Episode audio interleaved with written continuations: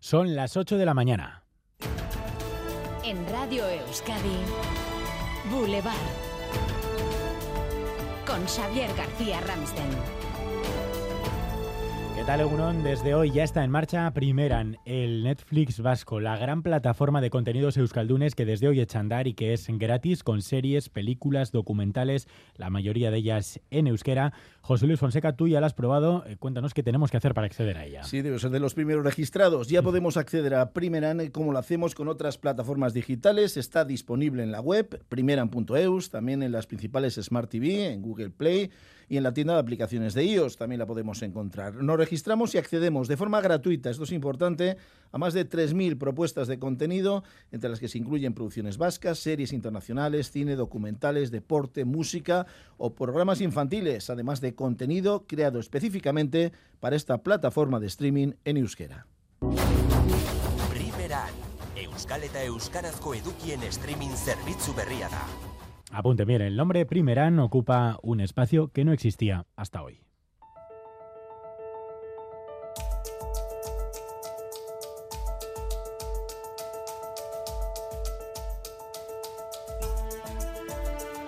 Es viernes 15 de septiembre, día para analizar todo lo que dio ayer de sí el Pleno de Política General en el Parlamento Vasco. De los nueve que ha protagonizado el Endacari Urcuyu, el Pleno probablemente con menos conceptos teóricos y con más anuncios concretos.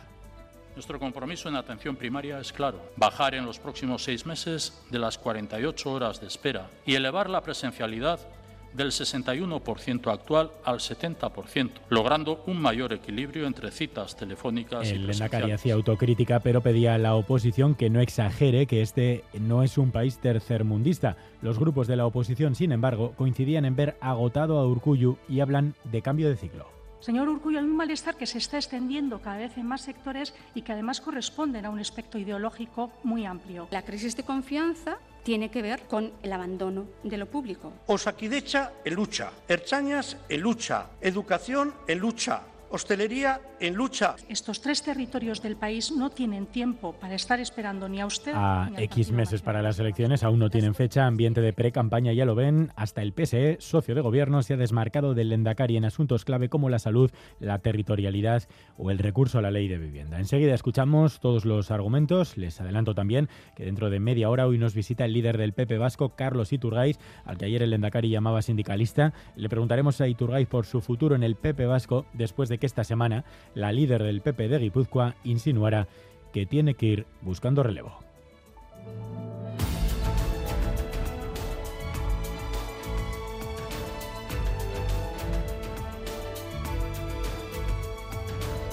Y también le preguntaremos por otra de las noticias políticas del día. El PSOE expulsa a Nicolás Redondo Terreros por díscolo.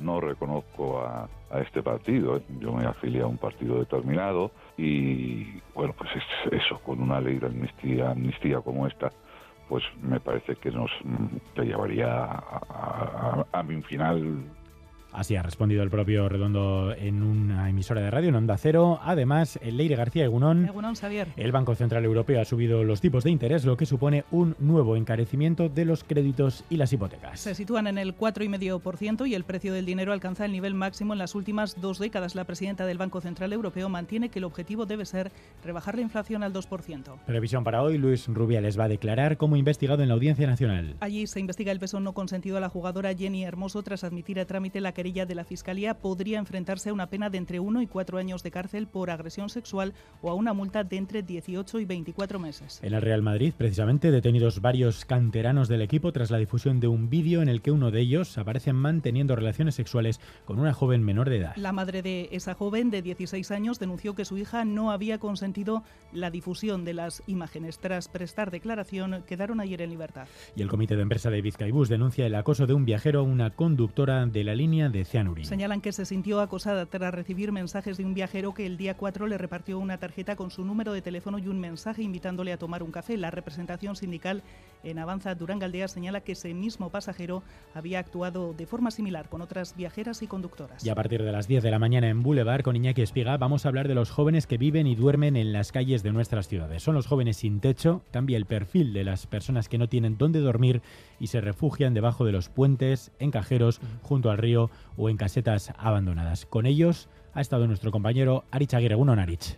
Egunon son jóvenes inmigrantes entre 20 y 30 años venidos de Marruecos, Argelia o países subsaharianos. Buscan trabajo, con tienen idiomas, algunos estudios y formación, pero no tienen nada y duermen en la calle. Duermen en la calle abajo de río. Es muy difícil, hay mucha lluvia, mucho frío. Todos la ropa mojada.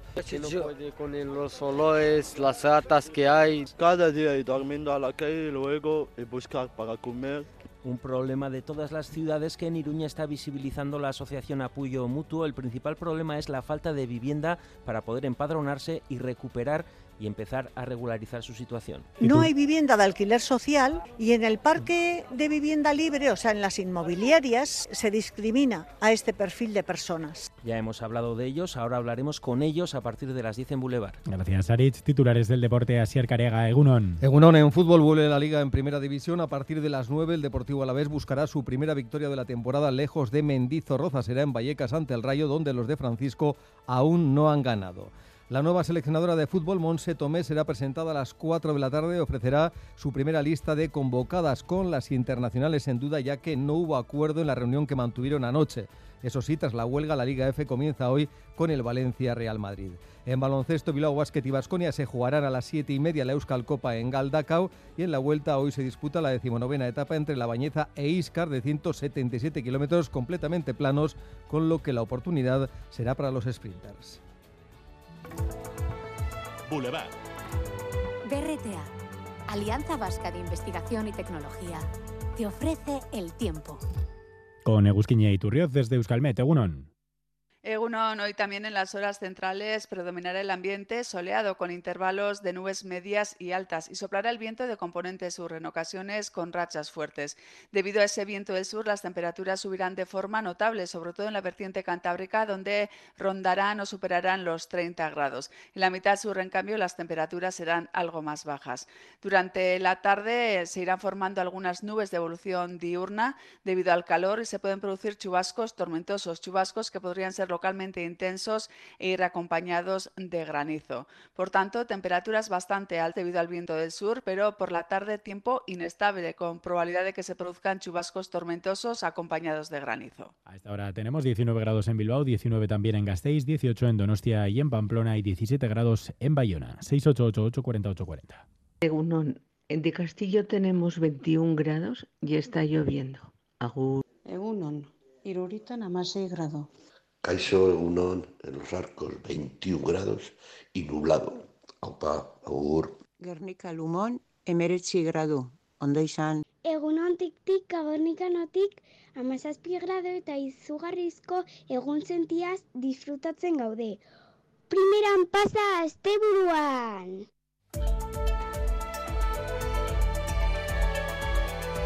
Boulevard. Tráfico. Es que ricasco, como siempre, a nuestra audiencia, que también puede participar en el tráfico. Si ven, si son testigos de alguna incidencia en carreteras, ya lo saben, notas de voz en el 688-840-840. Según nos informa la Archancha, ahora mismo no hay problemas. Pequeñas y medianas empresas, ¿sabéis que podéis innovar en vuestros productos y procesos y que para ello tenéis a vuestra disposición 17 centros de BRTA? Porque innovar es cuestión de carácter, no de tamaño. BRTA, Alianza Vasca de Investigación y Tecnología. Gobierno Vasco, Euskadi, bien común. Ayúdanos a mejorar nuestra información con tus comentarios, fotos y vídeos. Envíalos al WhatsApp de Radio Euskadi 688 840 840.